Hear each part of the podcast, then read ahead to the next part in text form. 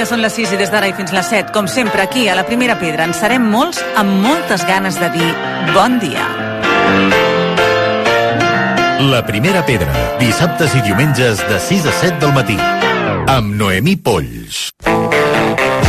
One day in London City, a crew called C2C. They came to rock the party. Say what? Canviar els hàbits de l'alimentació moltes vegades ens fa molt difícil i potser si tinguéssim eh, canvis petits que ens fossin més fàcils, seria també més fàcil canviar a bons hàbits en general. En volem parlar amb l'Anabel Fernández, que ella és la directora de nutrició de Coa Center. Anabel, molt bon dia. Bon dia, Noemí. Ara ho dèiem, de vegades els petits canvis fan grans revolucions, no? Exacte. A la vida en general. Exacte. I, escolta'm, volem petits canvis alimentaris que ens siguin fàcils, que diguem, va, això encara em veuria capaç de fer-ho, i que en el fons estiguem fent un canvi real, no? que ens ajudin a fer aquest canvi real. Sí, petits canvis que aporten molt a la teva salut. Ah, exacte, petits canvis que aportin molt. Per tant, anem a estalviar energia i utilitzem-la només per allò que ens veiem capaços de comprometre'ns. Exacte. Perquè si no és molt frustrant. Sí, quan intentem anar a fer com coses molt extremes o tot molt de cop, moltes vegades al final ens frustrem i no fem res. No fem res. Doncs va, anem a fer cinc petits canvis. Quins serien? A veure, aquest canvi eh, el que jo et proposaria el primer de tots, per mi és el més important amb una alimentació saludable, que seria que la teva base de l'alimentació siguin fruites i verdures. És a dir, mm. sempre augmentar la fruita i verdura. Amb un objectiu al cap, que potser, si el dic ara, diràs, bueno, això petit no és, per algunes persones diran, mare meva, això és un objectiu gran, però bueno, cadascú, tenint aquest objectiu al cap, hauria d'anar apropant-se al màxim possible. O sigui, l'objectiu seria 5 racions de fruites i verdures al dia. 5 racions de fruites i verdures al dia? Sí repartides durant el dia. Eh, per tant, hem d'anar eh, sempre amb una bosseta plena de fruita per casa, per, ai, sempre pel carrer ja, no? Clar, o sigui, al final hem de pensar que les fruites i verdures estan molt demostrat, o sigui, al final busquem coses màgiques, busquem mil coses, i el que està més demostrat de tot és que si tens una alimentació rica en fruites i verdures, previndràs moltes malalties de les que ara hi ha eh, d'aquestes no transmissibles, és a dir, malalties cardiovasculars, molts tipus de càncer, al final tot el que és hipertensió, diabetes, tot això. Llavors, és molt important fer això. Escolta, vale? val. Com Fiquem fer-ho? fruita i verdura, com ho Clar, fem? Com ho fem? Pues, L'ideal seria que fem dos racions de verdura al dia, si aquí a la nostra cultura el més habitual seria el dinar i el sopar, vale? ho pots fer tant com a primer plat com a guarnició, però intentem que sempre hi hagi alguna cosa de verdura, o amanida, evidentment. I després la fruita podria estar unes tres vegades al dia. Com ho podem fer també? Pues, intentem tenir fruita sempre a casa, intentem portar-nos fruita al treball, mm, tallem la fruita, per exemple, quan agafes una pinya o a l'estiu si agafes, per exemple, un meló, pues, ja ho talles i ho fiques a la nevera, que llavors és molt més fàcil que acabis consumint. Al final és deixar-t'ho visible, no? Pues, treure barreres. Totes les restes de fruita, macedònia aquell dia, no? Exacte, o posar-te a l'amanida, posar-te a l'amanida una miqueta de pera o de poma. Ah, això està molt bé també, a l'amanida. Clar, i anar intentant fer pues, que, que aquest petit aport eh, pues, estigui. Si fem un snack a, a mitja tarda o a mig matí, al final, davant del dubte, sempre fruita, i si volem alguna cosa més perquè tenim més gana, estupendo, però intentem que sempre hi hagi una miqueta de fruita durant tot el dia. Va, aquest em veig capaç de millorar-lo. Uh, següent petit canvi. El següent petit canvi seria prioritzar sempre l'aigua, que l'aigua sigui la base de la nostra beguda diària. I aquí l'objectiu és una mica més complicat perquè sempre ens han dit dos litres d'aigua al dia, però això és un mite perquè depèn molt de tot el que beguis. Per exemple, la fruita mateixa o l'aigua o la verdura t'aporta aigua, amb la qual cosa si prens més fruita i més verdura necessitaràs beure menys aigua. Uh -huh. I el que s'ha de fer sempre és tenir en compte la nostra sensació de set. Vale? I aquí tenim un petit engany, que és que com portem una vida tan estressant...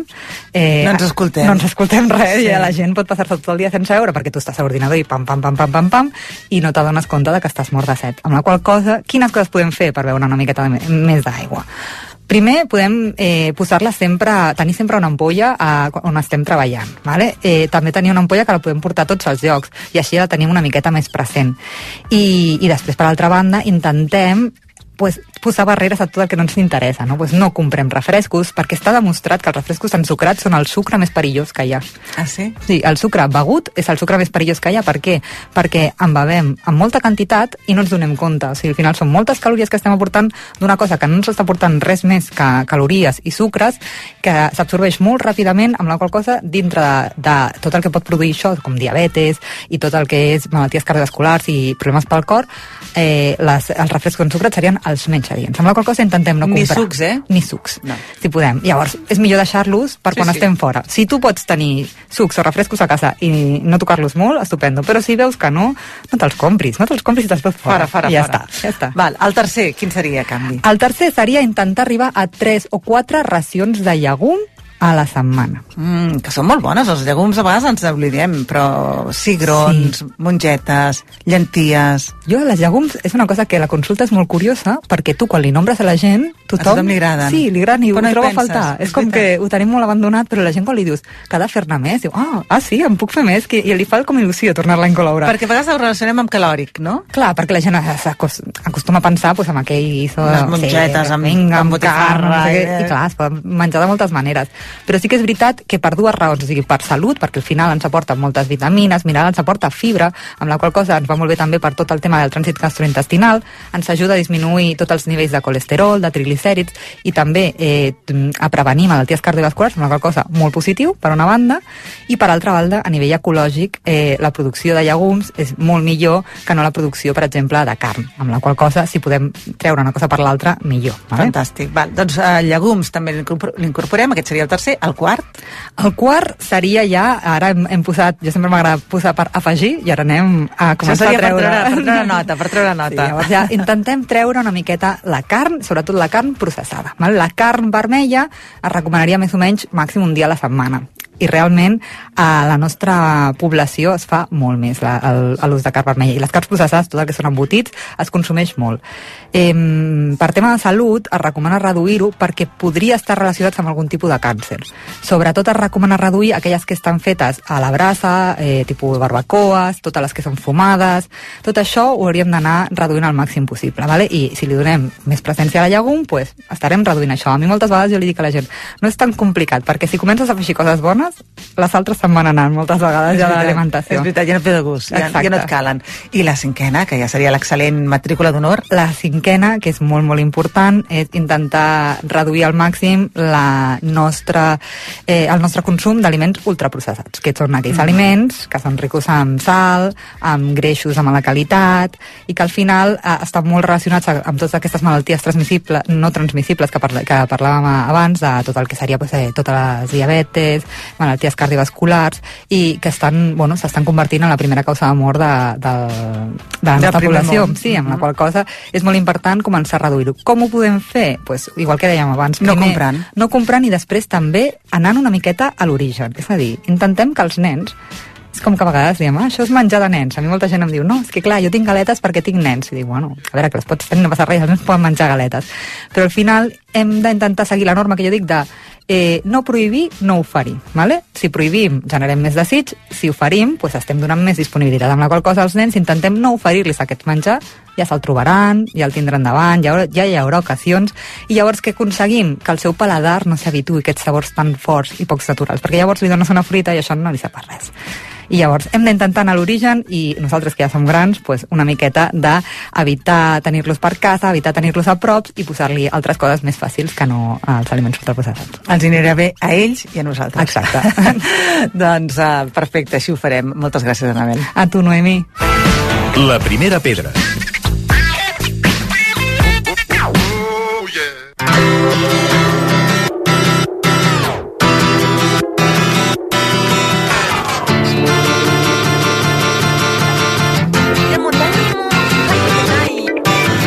El nen filòsof, títol publicat per ARPA, s'ha consolidat com un llibre referent en el camp de la filosofia per nens i s'ha traduït a sis idiomes. Jordi Noment és professor de Filosofia i Ciències Socials des de fa més de 30 anys a l'Escola Sadako de Barcelona i n'és l'autor juntament amb altres títols com El nen filòsof i l'art o El nen filòsof i l'ètica. Molt bon dia, Jordi. Molt bon dia. Uh, militants com som d'aprendre'ns la vida en filosofia aquí a la Primera Pedra i, per tant, parar-nos i pensar. Avui volem reflexionar sobre el creixement acompanyats del pensament filosòfic.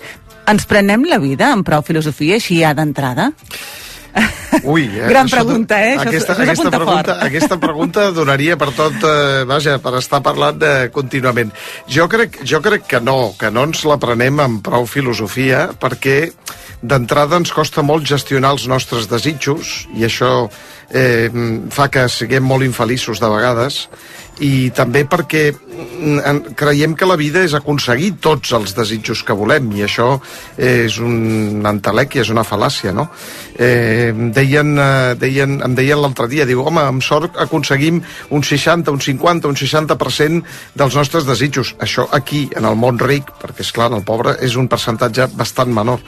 Aprendre a gestionar les frustracions és bàsic per prendre's la vida en filosofia i això ho fem molt malament. O potser fins i tot apuntem malament els desitjos, no? Aquest seria el primer Efectivament, punt. hi ha desitjos que depenen de nosaltres i d'altres que depenen dels altres. Si nosaltres només confiem la nostra autoestima de desitjos que, que els altres han d'acabar complint, doncs estem en mans dels altres. I tot això en un món que canvia constantment i que entrem en el món de les tecnologies que ens ha capgirat del tot, perquè fins i tot els adults ens ha agafat desprevinguts. Està clar, jo crec que eh, hem perdut, hem perdut sobretot mm, l'atenció. A mi m'agrada molt la paraula atenció, perquè, fixa't, té un origen etimològic preciós. Atenció vol dir eh, portar l'esperit cap a. És una paraula preciosa que vol dir això. I jo crec que cada vegada més les noves tecnologies no les estem gestionant bé i ens estan prenent l'atenció. L'atenció atenció sobre el que cal prestar atenció. I aleshores, és clar, eh, anem tan ràpid que és impossible gaudir, no? Paladejar vol eh, reflexió i vol tranquil·litat i vol calma. I això és el que no tenim avui en dia. Tenim 50.000 inputs i ens arriben 50.000 veritats o mentides. Clar, és això, ens costa molt destriar què és el que eh, és veritat de què és el que és mentida, no? Primer que la mentida avui en dia ja no se n'avergonyeix. Fa un temps se n'avergonyia la mentida, no? Estic dient mentides, me n'avergonyeixo. I en el món del periodisme Val. això ho veiem molt és això. cada ara, vegada ja, més. Ara ja la mentida no té vergonya. I a part, ara la mentida es camufla i es disfressa amb una facilitat eh, brutal, no? Amb la qual cosa necessitarem cada vegada més filosofia, sobretot pensament crític, també creatiu, per desemmascarar aquesta mentida. A- és així. Anava a dir, el sistema educatiu inclou tot aquest pensament crític? A veure, al sistema educatiu li costa bastant incloure el pensament crític eh, més enllà de la declaració solemne, no? O sigui, fem pensament crític, fantàstic. Què vol dir això? Exacte. Eh, val? Què vol Per on dir comencem? A veure, va. Clar, què vol dir això? Doncs, a veure, fer pensament crític vol dir preocupar-se pel context, vol dir fer preguntes, vol dir utilitzar habilitats de pensament i ser conscient que les estàs utilitzant. Eh, no és tan fàcil, no és tan fàcil. No és tan fàcil, però, però és possible. O sigui, per posar-te un exemple, si jo et dic a tu què passaria si en aquest moment sonés l'alarma en aquest edifici que estem, eh, el que estem fent és un pensament condicional. Immediatament tu em diràs, home, si sonés l'alarma, d'entrada hi ha uns protocols, ens hem d'aixecar. És a dir, jo amb la pregunta disparo que tu em, eh, facis aquesta condició que jo t'estic proposant. Només amb una pregunta. Per tant, és possible treballar habilitats de pensament només amb preguntes, però clar, ho has de dominar. No, no, no ve per ciència infusa, això. I treballar per preguntes les diferents matèries no és fàcil perquè no ens n'han ensenyat. No ens n'han ensenyat ja nosaltres. Per tant, partim de, de, de, de, de, amb una base molt dolenta. És a dir, ja els que hem d'ensenyar tampoc estem preparats. Clar. Perquè estem parlant del sistema educatiu, però suposo que si ve reforçat d'un pensament crític també a casa, ja eh, seria perfecte. I tot Clarament. això no ho tenim. Clarament, clarament. I a més ha, ha de ser un pensament crític a casa eh, eh, acompanyat de- d'una gestió emocional brutal. Perquè, és clar, és molt important per poder treballar el pensament crític la tranquil·litat d'esperit. I, és clar, a casa moltes vegades la tranquil·litat d'esperit és molt difícil d'aconseguir. Ja no depèn del pensament, sinó que depèn de la gestió de les emocions. Tampoc ens han eh, eh, ensenyat a gestionar les emocions. Amb la qual cosa estem venuts. Si l'ésser humà es fonamenta justament amb això, la gestió emocional i un pensament de qualitat, i no tenim ni una cosa ni l'altra, mmm, estem venuts. És allò com un barquet al mig d'una tempesta, no? Però si mirem el programa educatiu, eh, es reforcen molt altres mm, parts, com per exemple el pensament matemàtic. Les humanitats passen a segon terme. I sembla que si no tens aquest altre pensament, el matemàtic, el científic, eh, no pots tirar endavant a nivell professional. I moltes vegades aposta per aquestes altres disciplines perquè no podem tirar endavant sinó en aquestes exigències socials. Però, en canvi, la societat necessita d'aquest pensament humanístic. les persones necessiten per la seva salut mental d'aquest pensament humanístic. És a dir, eh, jo, no, jo no criticaré la ciència, en que, i crec molt, i crec que la ciència és absolutament, i la tecnologia és absolutament imprescindible, i no podem fer passos enrere. però no defensar les humanitats ens deshumanitza, és un gravíssim error. Eh, si no, mirem la pandèmia. Com vam sobreviure psicològicament a la pandèmia?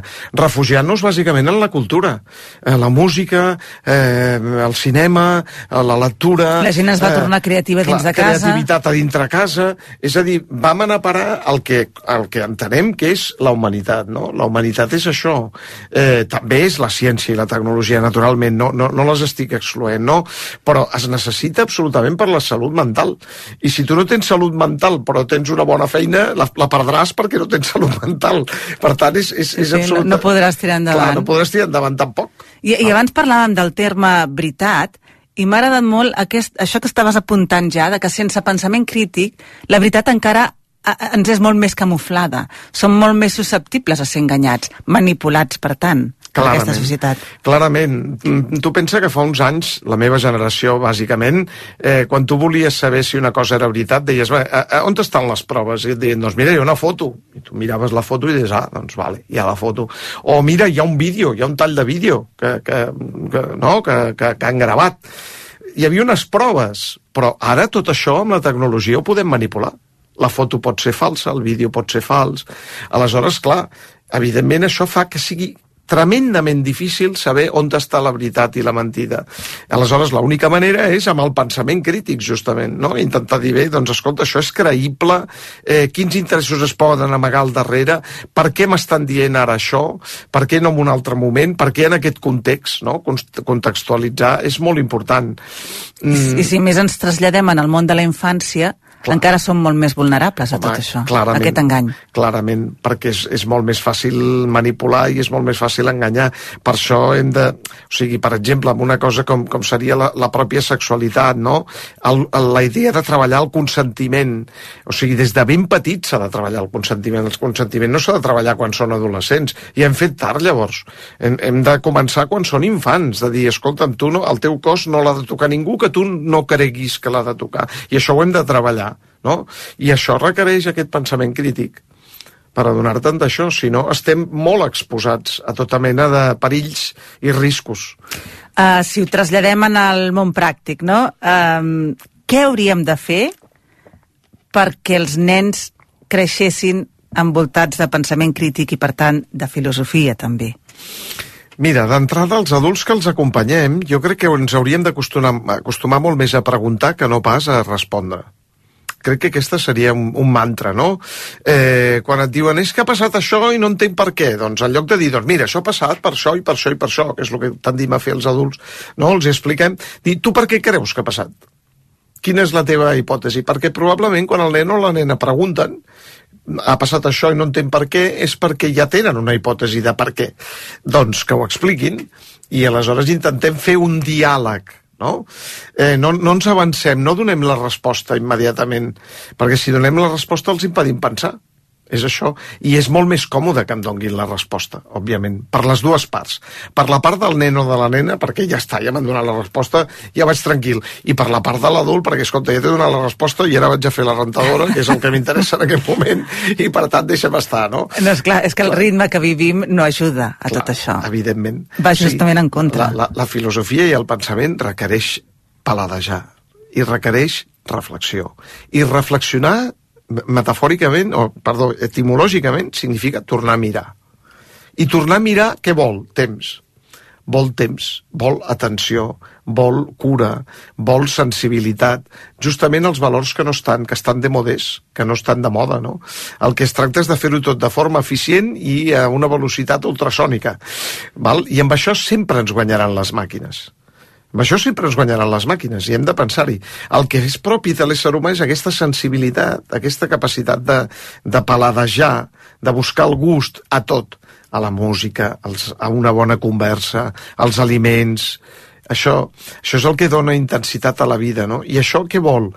Calma, tranquil·litat, temps... Val? Fins i tot en, en el propi to de veu, no?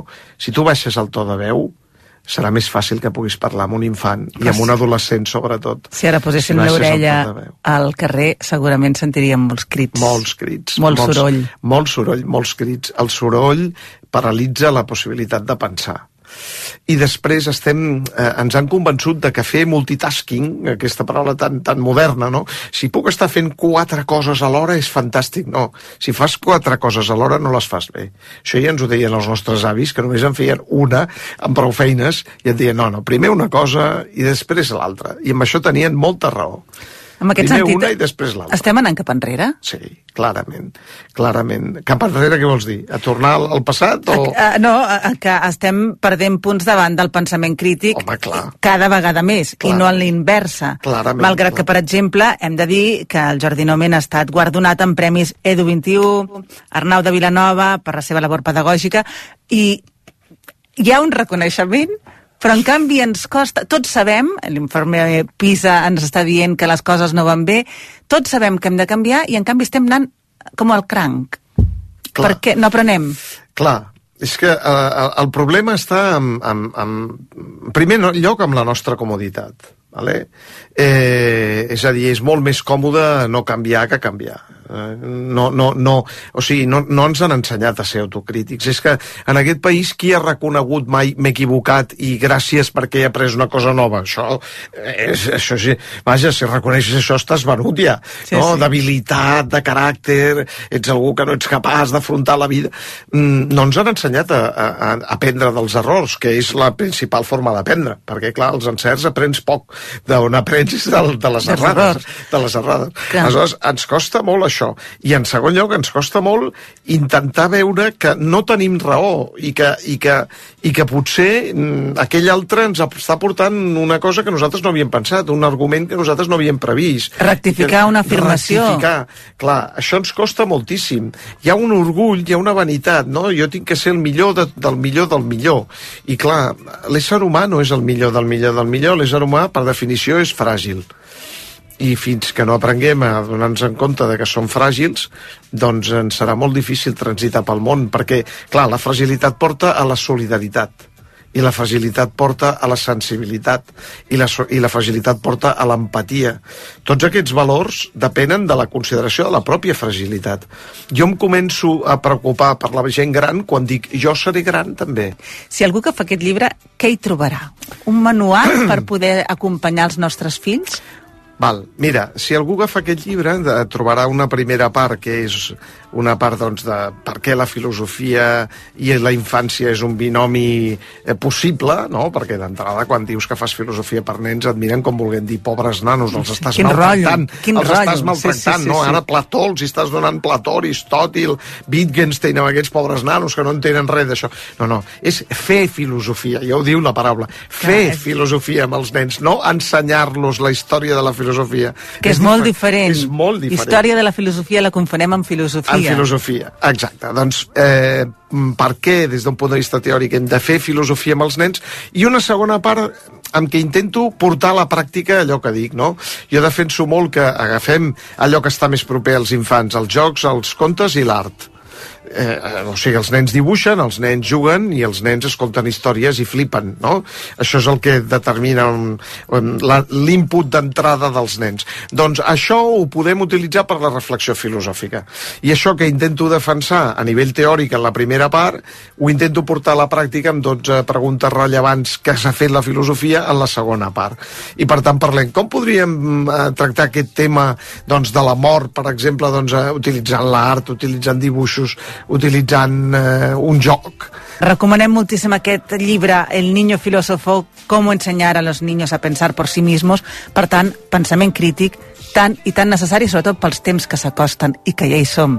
Les noves tecnologies ens aparten d'aquest pensament crític i cal reconduir-ho. Des d'aquí el nostre granet de sorra també per participar d'aquest pensament. Moltíssimes gràcies, Jordi. Gràcies, Noemi, a vosaltres per convidar-me.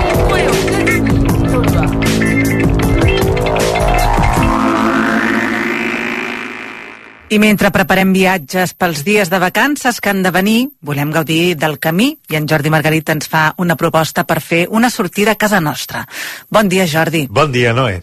El lloc on anem avui és important per mi per dues raons. Primer, per ser un punt geogràfic proper que m'ha acompanyat tota la vida i, darrerament, perquè és notícia arran del tancament d'un dels seus serveis.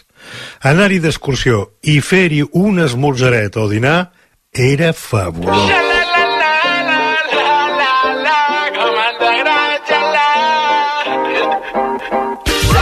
Un rovinent com jo sempre ha tingut pel paisatge proper al cim de la Mola, a la serralada de Sant Llorenç de Munt i l'Ubac. M'hi he costat desenes de vegades. Invariablement has de passar per Mata de Pere, poblet preciós on, on molts terrassencs i terrassenques hi tenen la segona residència. Després et vas enfilant pel camí dels monjos en un recorregut no gaire sacrificat. Aquesta via s'inicia al monestir de Sant Cugat, passa per la Mola i segueix fins Montserrat. L'escalada i l'espeologia hi troben igualment diferents alternatives.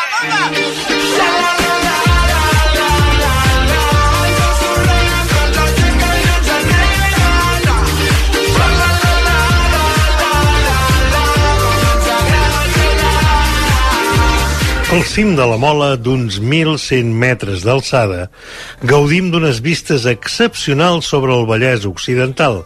Hi trobem el monestir de Sant Llorenç de Munt d'estil romànic. Fins ara, i en antigues dependències del monestir, hi havia un bar-restaurant que anava a la mar de bé per reposar forces. Els queviures i begudes hi pujaven a llom d'ases, tot respectant l'entorn natural. La seva imatge era un curiós divertiment. Ara aquest servei està amenaçat de mort, ja que en caduca la concessió. Com a usuari freqüent em sap molt greu. Si el tancament es fa efectiu, perdrem un dels atractius que convidaven a pujar la mola i xalar de veritat. La primera pedra, dissabtes i diumenges de 6 a 7 del matí.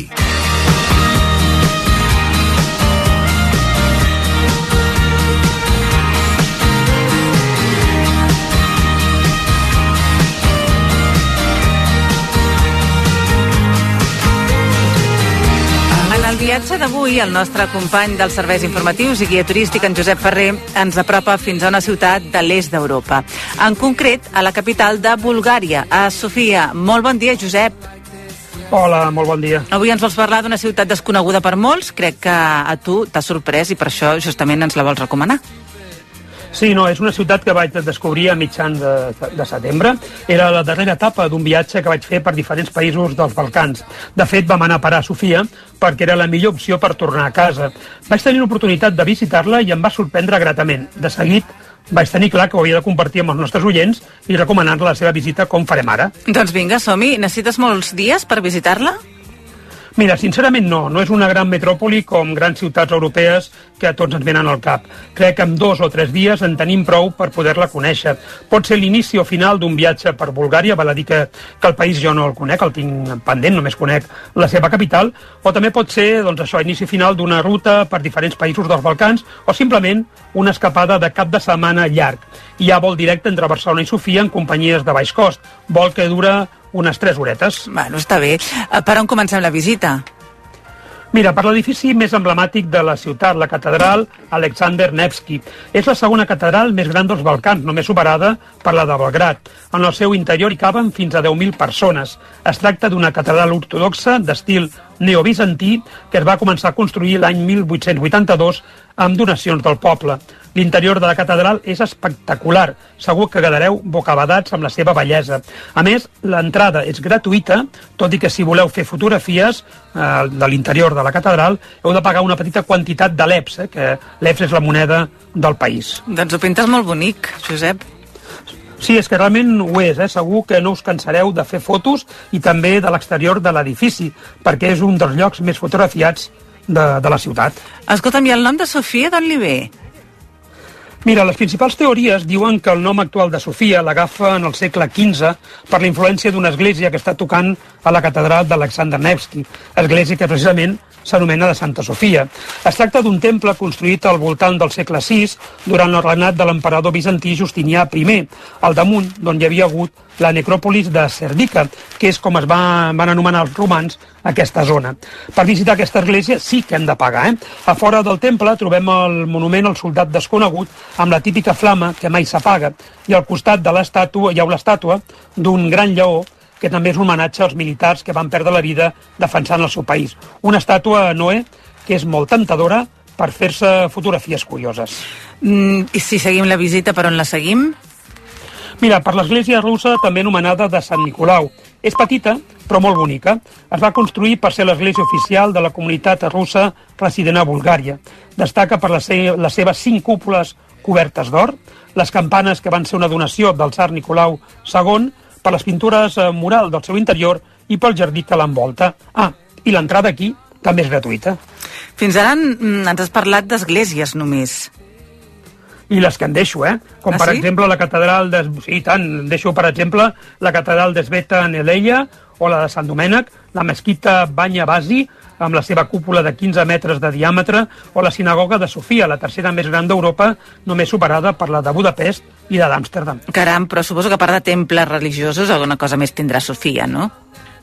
I tant, eh, i tant. Recomano apropar-nos fins al Teatre Nacional Ivan Basov.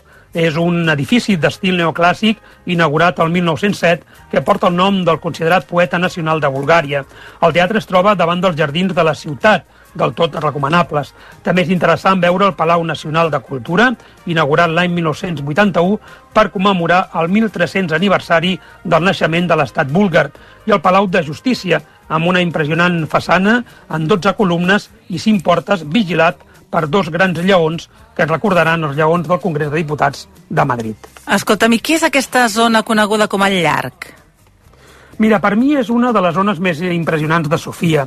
El nom oficial és plaça de la Independència, però popularment se'l coneix com el Llarg per la seva forma, per la forma de la plaça. Aquest indret va ser dissenyat als anys 50 del segle passat i és considerat un dels millors exemples d'arquitectura estalinista. Aquí trobem el Palau Presidencial, on cada hora en punt es fa una petita cerimònia de canvi de guàrdia. També hi ha el Consell de Ministres de Bulgària, que converteix edifici en uns grans magatzems comercials. També trobem l'Assemblea Nacional de Bulgària, ubicada a l'antiga seu del desaparegut Partit Comunista, i ruïnes de l'antiga ciutat de Serdica. Noé, i saps que aquí també hi ha una església interessant? Una altra, Josep? Sí, sí, és una església molt petiteta dedicada a Santa Pecca, una màrtir cristiana del segle III. Eh? Però no pateixis que aquesta no la podràs visitar perquè l'horari de visites no és concret, tot depèn del porter, eh? si té ganes d'obrir-la o no. Ah, caram. I si volem anar de compres, per exemple, podríem trobar alguna cosa, també? Mira, per eh, productes típics de Bulgària cal anar al Museu Central, un edifici eh, cobert, inaugurat el 1911, on trobarem tota mena de productes de gastronomia i d'artesania, o bé apropar-nos fins al Mercat de les Dones. Si volem modernitat, hem de passejar pel Boulevard Vitoixa, una de les avingudes més boniques de la ciutat i la principal artèria comercial de Sofia. En els dos quilòmetres i mig del Boulevard trobarem luxoses botigues, bars i restaurants en terrasses i molts edificis interessants. No t'he preguntat, però, de museus, n'hi ha algun d'interessant? Sí, destaco el Museu d'Art Socialista, la Galeria Nacional de Sofia, situat a l'antic Palau Reial, i el Museu Arqueològic de Bulgària. Doncs escolta'm, no sé, jo ho deixaria aquí o ens deixem alguna cosa? No, jo crec que hem fet un recorregut força complet per la ciutat, per tant, ara només cal que els nostres oients s'animin i, si no ho han fet ja, doncs que visitin Sofia. Sí, senyor, doncs mira, una nova proposta. Moltíssimes gràcies, Josep. Molt bé, a vosaltres i fins la propera.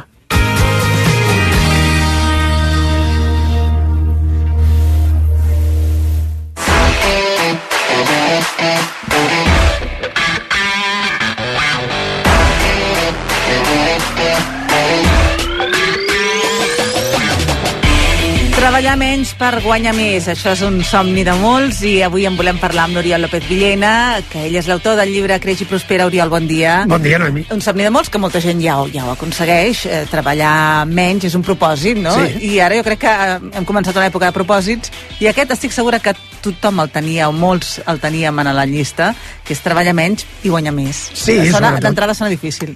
Bueno, perquè ho és, clar, no, no és fàcil, però, però és el motiu pel qual molts empresaris creen les seves empreses, no? És a dir, sòcies d'una empresa industrial que jo conec, que em deien, no, clar, nosaltres quan vam muntar l'empresa el que volíem era tenir llibertat, poder anar de viatge, poder fer coses, no? I, però se te n'adones que quan creixes, eh, la primera víctima del creixement acostumes a ser tu i acostumes a ser el teu temps. Mm. I, i això passa perquè tens, tu saps aquells, eh, aquells artistes de circ que intenten mantenir en, el, en moviment tot de plats? Sí, i tant. Bueno, doncs t'ha imagina't un empresari és això, és a dir, tens tot de plats en moviment que uns són empresarials com clients o temes amb els treballadors, proveïdors i, i de més, i preus i això, i per un altre costat tens altres plats que són doncs, la teva salut, la teva família, els teus amics, i llavors què passa? Estàs intentant mantenir tot allò en funcionament, per tant, concluiríem que la vida d'empresari és molt dura. Sí. Sí, sí, és que ho és. I, I es tracta de fer-la una mica menys dura, no? Més, més Clar, el, plantera. el que es tracta és de, és de canviar el xip, és a dir, com la feina és molt dura, normalment la primera víctima és tu mateix i la família, i per tant eh, hem d'intentar canviar el xip. En lloc d'intentar buscar l'equilibri, és a dir, en lloc d'intentar buscar tots els mantenits, to- tots els plats mantinguts en moviment allà, que és una cosa impossible només per experts, d'acord? I a més no ho pots fer tota la vida. Un expert no, no està 20 anys o 30 anys amb els plats en moviment. L'espectacle acaba passats 5 minuts i s'ha acabat la, el tema, no? Sí. Llavors, què hem de fer? Doncs pues deixar de fer l'espectacle. És a dir, agafar els plats, posar-los sobre una taula, que és on han d'estar els plats, d'acord? I a partir d'aquí plantejar-se com volem viure la nostra vida empresarial. És a dir, buscar aquest equilibri difícil de trobar. T'ho discuteixo. Sí? Sí, ja el què? veuràs. El, el Primer, no hi ha equilibri. Ah, no hi ha equilibri. És a dir, poses els plats a taula i acceptes la primera cosa, que és que només hi ha una vida. No hi ha una vida a equilibrar entre vida professional i vida empresarial i, i vida personal, sinó que tens una sola vida com a empresari. Perquè tots els empresaris ens hem trobat un diumenge havent d'anar al taller a arreglar alguna cosa per un client que ho voldrà dilluns o, o un dimecres a la, a la nit havent de fer un pressupost. D'acord? Per tant, això eh, passa i passarà. No, no podem jugar amb les regles dels treballadors, hem de jugar amb les regles dels empresaris, que és que només hi ha una vida. Igual que un dimecres a la tarda podem anar al cine perquè ens ve de gust i és el dia de l'espectador. Clar. D'acord? O podem anar a recollir els nostres fills. Per tant, és entendre que només hi ha una vida. És a dir, agafa una agenda i mantingues una agenda, no dos agendes. D'acord? L'altra, la passió, no? Si tu tens Sí. passió, s'encomanarà. Sin tots aquests problemes que sorgeixen al teu voltant són problemes que moltes vegades són derivats de, de la teva pròpia manera d'actuar. És a dir, com tens molts problemes, ho trasllades als que, als que et rodegen, tant, tant treballadors com clients, com familiars. D'acord? Per tant, el primer és entendre que has de, ha de realment t'ha d'agradar, has de disfrutar. I has de buscar aquest objectiu, de, de fer que la feina, per molt dura que sigui, que ho seguirà sent, la disfrutis. D'acord? O sigui, diguis, ostres, val la pena, em ve de gust fer això, no em ve de gust fer altres coses, perquè la passió s'encomana, és a dir, si tu realment gaudeixes del que estàs fent, faràs gaudir els altres. No sempre, però la major part dels casos. I, darrere, i al final, el, el més important potser, no? Per últim és entendre que si el temps és el que tu buscaves, posa'l com a objectiu i per tant mira de sortir de l'equació quan tinguis l'empresa, quan ets un autònom potser no pots encara, però sí que pots de externalitzar coses als teus clients o a d'altres professionals de manera que tu comencis a guanyar temps quan comencis a guanyar alguna de diners comença a guanyar temps per exemple, no cal que et facis a tu la teva comptabilitat hi ha assessors fiscals i gestors que fan això per tant, paga aquells diners per comprar llibertat. Surt de l'equació, és a dir, comença a sortir. I si tens treballadors, encara amb més motiu. Busca treballadors que et treguin de l'equació, perquè d'aquesta manera guanyaràs més temps. Però no només guanyaràs més temps, sinó que el teu negoci valdrà més diners per si un dia el vols vendre. I serà temps de qualitat. Això Temps de molta qualitat. De molta qualitat. Oh, quin somni. Doncs uh, amb això ens quedem, amb aquesta búsqueda del temps i amb aquest uh, equilibri, si és que es pot dir així, uh, a nivell de família i de vida empresarial. Exacte. Oriol, com sempre, moltes gràcies. Gràcies a tu.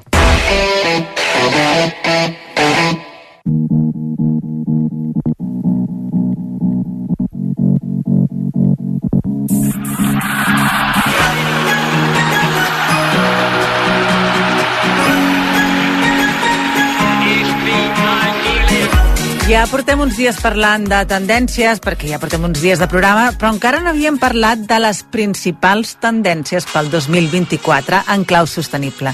I per això tenim a la nostra experta, la Sònia Flotats, que ella està al capdavant de So Good So Cute, aquesta revista de moda sostenible i tendències saludables. Sònia, bon dia. Bon dia. I això és el que volem, que ens expliquis a veure aquest 2024 que ens depara, si Clar. és que ja podem aventurar-nos en dir quines tendències sostenibles tenim. A veure, a veure, això mai se sap, però jo he fet un recull de, de diversos espais i sí, sí, tenim algunes tendències amb clau sostenible i estic molt contenta perquè pinta bé això. Per començar, vestir, que és el tema principal no? que m'interessa. eh, torna la roba normal, diuen. Què vol dir la roba La normal? roba normal, Perquè ara ens en exacte, recordem, no, de exacte, quina Què era? vol dir? Que no vol dir roba poc treballada o, o, o molt minimalista, eh? però simplement eh, roba amb teixits naturals, per entreposició dels artificials, dissenys temporals, roba que ens duri, que no són en això, roba còmoda, també, eh, Ben feta. Ben feta, de És a dir, que no qualitat. se'ns trenqui al cap de dos dies. Exacte, i això va en contraposició de les microtendències que s'han portat tots aquests últims anys, sobretot sobre la gent més jove, amb xarxes socials, amb TikTok, que són tendències que duren una setmana eh, i han sigut una bogeria, doncs relaxem-nos i torna la moda normal, comprar roba que et quedi bé, de qualitat, feta bé, amb materials bons. Molts d'ells seria allò, allò que dèiem abans, fons d'armaris, Exacte. no? que, que servien per sempre, no? Exacte, Sí, sí. aquesta, aquesta Bé, és una. aquesta a ens agrada. estar molt feliç. Exacte. Què més? A veure. A, veure, després, amb alimentació. Eh, tinc dues apuntades. Una, eh, es posa de moda, que jo crec que ja, ja es portava això, una tendència que es diu, és japonesa, és Hara Achi-bu. No tinc ni idea si ho pronuncio bé o no, No perdoneu. repetiré per si de cas. Perdoneu, exacte. Això diuen, sabeu que hi ha la illa japonesa aquesta, la Okinawa, que diuen que és una zona blava. Una zona blava és aquests espais on hi ha gent que viu molts més anys que la mitja. Sí, a Japó n'hi ha una. sí, doncs sí. han preguntat i tal, i es veu que hi ha aquesta pràctica, la Hara Hachi-bu, és una pràctica habitual, que no és més que respectar les, sancions, les sensacions de gana i sacietat que tenim, val? en relació al menjar, i menjar un 80% de la nostra capacitat. És a dir, Una mica menys... Sí, de quedar-nos tips. Sí. És ben senzill, i això podria ser un bon hàbit, no? Exacte, és un hàbit saludable perquè és bo pel cos, és bo pel, pel planeta, perquè no consumim més recursos dels que necessitem, no ens posem al plat més menjar del que realment voldrem, que després no sabem si acabar-nos-el o tirar-lo. Doncs res, és això, simplement quan ens posem a menjar l'alimentació conscient, no? que diuen molt de menjar pendents del plat, i això, quan arribem al 80%, que no sé ben bé com es medeix, però tinguem, tinguem sentit comú, prou. No fa falta rebentar. Exacte, està molt bé i a més ens sentirem molt millor. Aquesta és fàcil i ens, Exacte. ens la prenem nota també. I amb xarxes socials també hi ha Amb xarxes socials, exacte. Mira, relacionada amb el menjar, també diuen que tornen, començarem a veure més fotos de menjar casolà, de Home, fet a casa. està molt bé. Exacte, en contraposició de les fotos de restaurant, els postureig aquests de vaig a un restaurant i faig la foto de tots els plats i tal. No, ens relaxem a les xarxes socials i som més naturals. En menjar, això, fotos de menjar casolà, o sigui, benvingut al batch cooking i tot això que havíem parlat en altres temporades, ja recuperarem. I en general, fotos molt més relaxades, de menys postureig, fotos amb els amics, normals, espontànies. Torna a la naturalitat. Sí, Que bé, Sembla que que, bé. és una tendència amb roba, amb el menjar, amb les imatges de xarxes, tot això. I també naturalitat, que això no sé en quina categoria posar-ho, amb, amb no voler tenir la raó amb tot. També ens relaxem, en general. O sigui, Home, això ho veig difícil, tant de bo sigui una tendència real, però ho veig difícil, eh? I mira que estem en mitjans de comunicació, en deixar que, que, que la gent pugui tenir una raó que no sigui la nostra, Ah, està molt bé. Doncs figura, Està molt bé. O, o sembla o sigui, que ja no, no, no ens hem d'obsessionar tant en voler tenir la raó de tot i en entrar en discussions absurdes, sinó poder dubtar, poder vull pensar d'una manera i demà una altra i que no passi res perquè som humans. Jo veig amb tot això no, que torna aquesta naturalitat. També amb la- amb l'autocura, la, que ja ho veníem dient, del well aging, no, de l'envellir bé, de, ho hem estat veient iogues facials, tècniques no invasives, cuidar-se la pell amb cosmètica orgànica i natural, en contraposició de tots els tractaments eh, Estètics agressius, no? Exacte, exacte. Ahà. O sigui que així anem. Escolta'm, doncs m'agraden molt aquestes Sí. tendències pel 2024. I en tinc una última, que és la de reparar les coses, arreglar les coses abans de tirar-les, que també l'estem veient fa temps. Donar una segona vida, una segona oportunitat també les coses, està molt bé. Exacte, que aquí algú ja m'ha preguntat eh, aquest portal que ha obert Zara de Pre-Owned, que permet arreglar la roba que comprem de la marca i que, que se'ns trenca per el que sigui. Parlarem un altre Sí, dia d'això. ens ho hauràs d'explicar bé, perquè no sé massa com funciona i ens agradarà saber com funciona. Doncs, si et sembla, eh, convoquem perquè tornis a venir a parlar d'aquest Zara Pre-Owned i, i de moment ens quedem amb aquestes tendències que ens agraden molt i que fan referència tant a vestir com a menjar com a xarxes socials i que, escolta'm, ens hi afegirem, jo crec que sí. Ens Relax, relax. Relax amb tot, relax amb tot. Sònia, moltes gràcies. Gràcies, bon dia.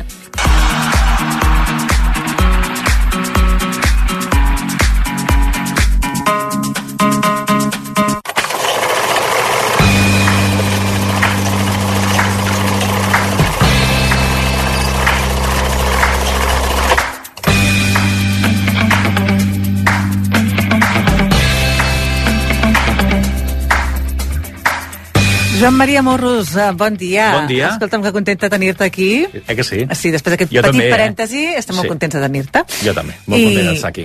Exacte, d'anar al cinema amb tu, Sí. perquè portem dies que, clar, no hem pogut anar al cinema junts i a veure si podem fer-ho avui, no? I, què, què? Doncs eh, porto una pel·li que està molt bé. Sí? Sí. Va. És de l'Alexander Payne, que ens va agradar molt una de les seves pel·lícules ja fa eh, bastants anys, eh? estem parlant de 20 anys. Entre copes, Sideways. Home, em va encantar. Sí, sí. Eh, ell també va fer Los Descendientes, va fer Nebraska, eh, i ara n'ha fet una que està molt bé, i que a més a més té una estètica de pel·lícula així com antiga ja des del començament, sobretot les, les eh, grans productores de Hollywood van diguem que actualitzar el logotip que apareix i, i, el, i el, diguem la presentació de la pel·lícula i de la productora quan comencen uh, quan van fer els 75 anys ho feien així com en tres dimensions, tot superxulo i tal, i aquí comences i és una pel·li de la Universal amb el logotip antic que s'havia vist que era només eh, com estava el món difuminat i com s'anava situant.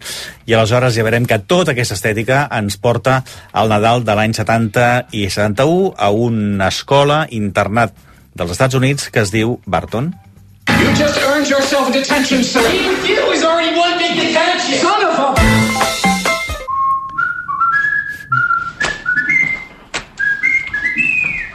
Sir, I don't understand. That's glaringly apparent. I can't fail this class. Oh, don't sell yourself short, Mr. Coates. I truly believe that you can.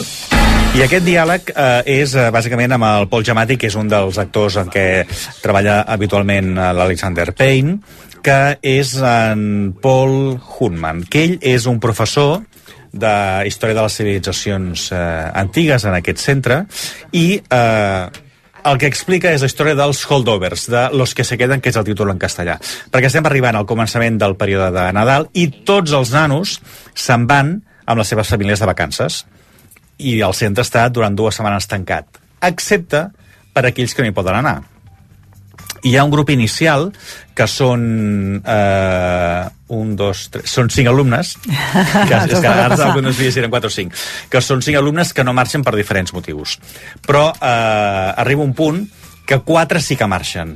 I el cinquè s'ha de quedar allà perquè no poden parlar amb els seus pares. I es queda eh, l'Angus eh, Tully es queda amb el professor Hunman i també amb una, amb una dona que és l'encarregada de la cuina d'aquest centre i que eh, se li ha mort el fill no fa gaire, que també era alumne d'aquesta institució, eh, l'acaba de perdre a la guerra de, del Vietnam, i ella decideix passar el primer Nadal sense el seu fill aquí en aquest centre. Per tant, entre els tres i l'encarregat de la neteja, van fent aquesta mena de microcosmos. Després s'hi afegeixen alguns personatges més del poble on està aquesta institució. I el que explica és la relació entre el professor Hunman, que és un malcarat que ningú pot veure, ni els alumnes, ni els seus companys de feina, eh, que és un, diguem-ne, fracassat absolut però que ell disfruta de la seva, de la seva eh, feina i és eh, molt exigent, suspèn a tots els alumnes, inclús els que pensen que traurien una miqueta més de, de bona nota i els anuncia que per després de festes el que faran és eh, un examen sorpresa i que poden tornar a fer l'examen que la majoria han suspès per intentar fer una recuperació. Aquest és un dels personatges. I l'altre, el Tuli, que és un eh, alumne del qual anem coneixent al llarg de la pel·lícula la seva eh, situació també a la família. I a partir d'aquí anem veient la relació que s'esta- s'estableix entre tots dos. La veritat és que està molt, però molt bé aquesta És pel·lícula. que fa pinta de molt tendra, eh? Molt. Doncs la mirarem i, escolta'm, demà sèrie televisiva... No. No. Faig un canvi, si ah, em deixes. Va, el que tu vulguis. I si no em deixes tindrem un problema.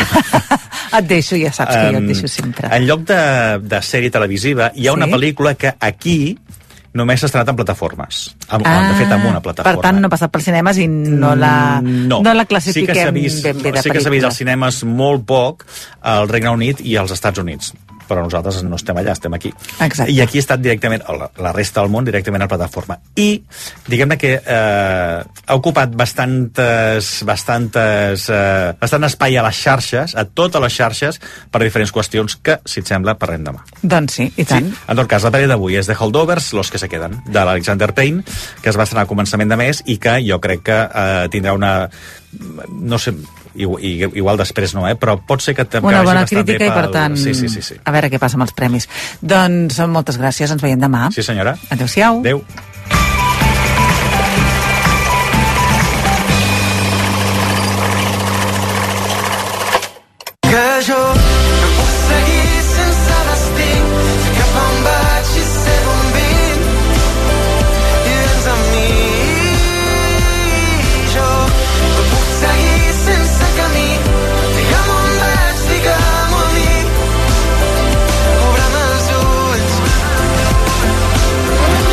Jordi Ramos, bon dia. Bon dia, Noemí. Que bé començar amb aquesta cançó.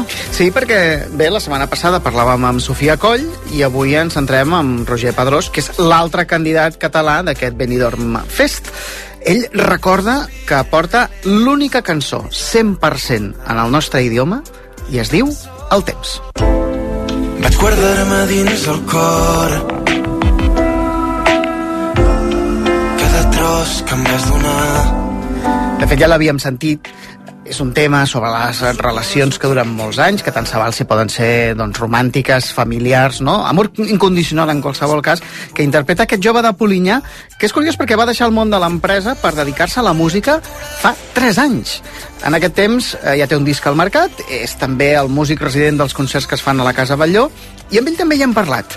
Veuràs eh, que el defineix la franquesa. Ell és el primer, per exemple, d'assumir que la seva és una aposta doblement difícil, intentant portar una balada a Eurovisió. Sí que hi ha una tendència ara global de que el 90% vol bombos a negres i xumba-xumba i això és el més fàcil d'entrar. Al final és com quan tu t'acostumes a menjar un tipus de cosa, pues això es naturalitza i és el que més fàcilment entra. Però quan trobes una cançó ben construïda, treballada, i a mi les balades sempre em semblen brutals. De fet, últimament a Eurovisió n'han guanyat moltes. Et diré més, la cançó amb més escoltes de la història d'Eurovisió és Arcade, Pues mira, que és del és un balada. baladón.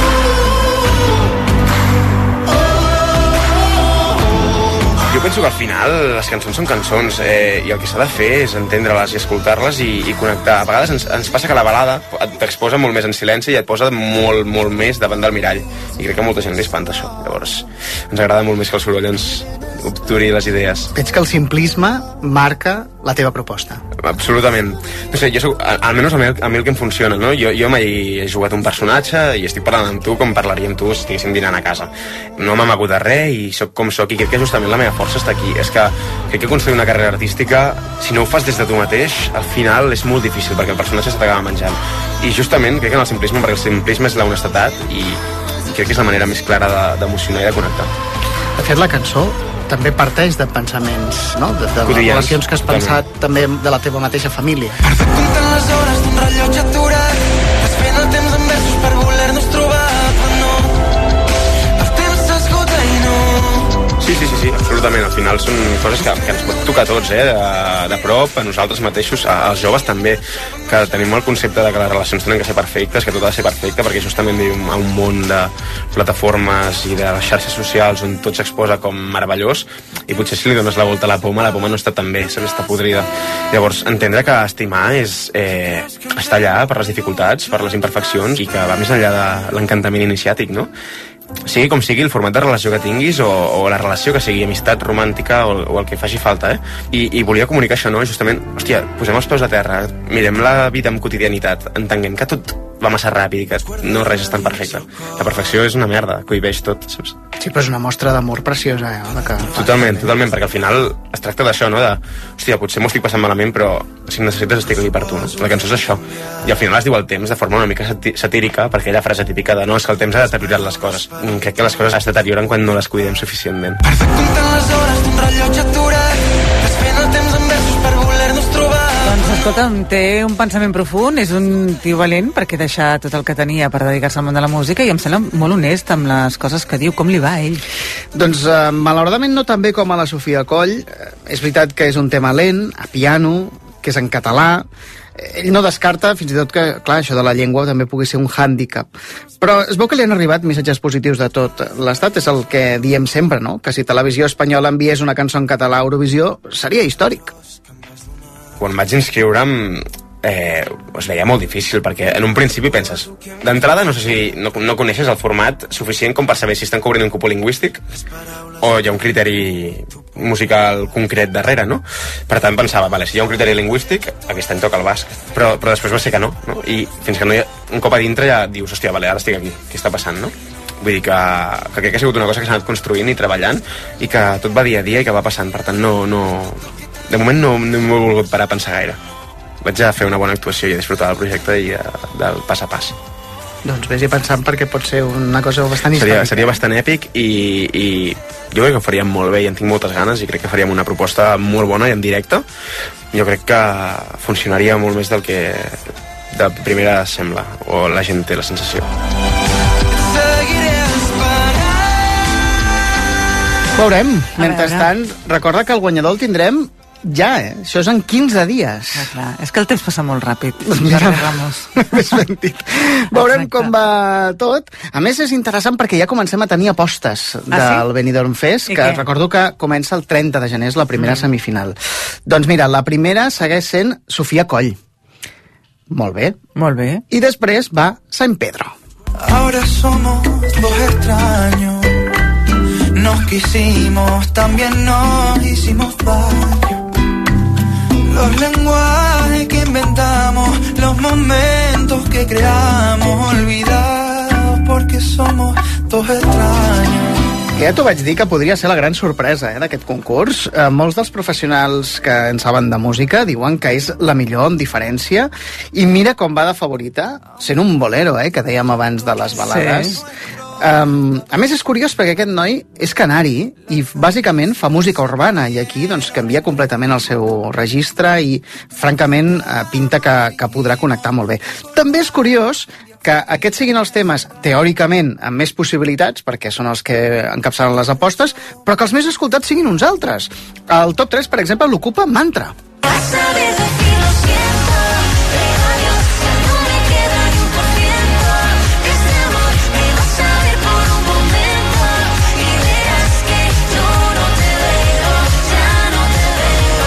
És un grup format per un noi d'Alacant i dos de Madrid que eh, venen d'altres formacions i que també van forts.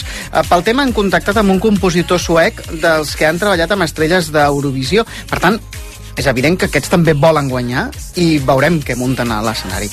El segon tema més escoltat dels que participen al Benidorm Fest va arrencar amb molta força i es diu Amor de Verano. Respiramos tan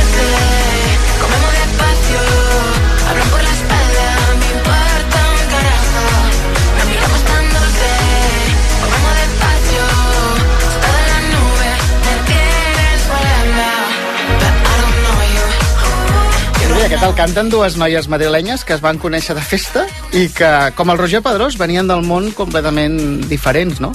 Ara es diuen Marlena, i Marlena. se les considera un dels grups més prometedors del pop espanyol. Però no te'n vagis, perquè, com et deia, Marlena va començar molt bé, mm. -hmm. tan bon punt van sortir les cançons del Benidorm, però a poc a poc n'hi ha una que se l'ha anat avançant fins al punt doncs, que ara ho encapçala tot. Escolta, perquè aquesta pinta que serà la noche entera d'aquest any. Ah, sí? És la zorra. Ya sé que soy solo una zorra, que mi pasado te devora. Ya sé que soy la oveja negra, la incomprendida, la de piedra. Ya sé que no soy quien tú quieres, lo sé. Entiendo que te Home, em sona com el tema de Perra, no? La de... mm, La, la Rigoberta Bandini. Hi ha gent que les ha comparat, sí. tenen aquest rotllo pop, però ja veuràs que va creixent aquest punt sintetitzador. M'agrada més la Rigoberta, mira què et dic. Va, perquè l'has sentit moltes vegades. Ja espera, que, que espera que sentis la zorra, espera't, espera't. Pensa que fa uns dies Spotify nomenava la zorra com la cançó més viral de l'Estat, porta un milió d'escoltes i ve del País Valencià, és un duet que també són parella des de fa més de 20 anys, no són dos pipiolos precisament. Es diuen Nebulosa i ja els agrada provocar, eh? Altres temes Això que tenen, dir, ja el títol ja és Me provocador. pones a mil, me ha dado porno, són cançons que, que, bueno, que els hi han donat sortida i que ara doncs, prometen revolucionar el cotarro amb aquesta. Bueno, veurem, veurem, veurem. Per això tindrem a tu aquí cada diumenge, va, i cada dissabte, perquè ens expliques una mica a veure què passa, no? No dubtes, no dubtes. Va, gaudeix de la zorra. Vinga. Adéu-siau. Bon dia.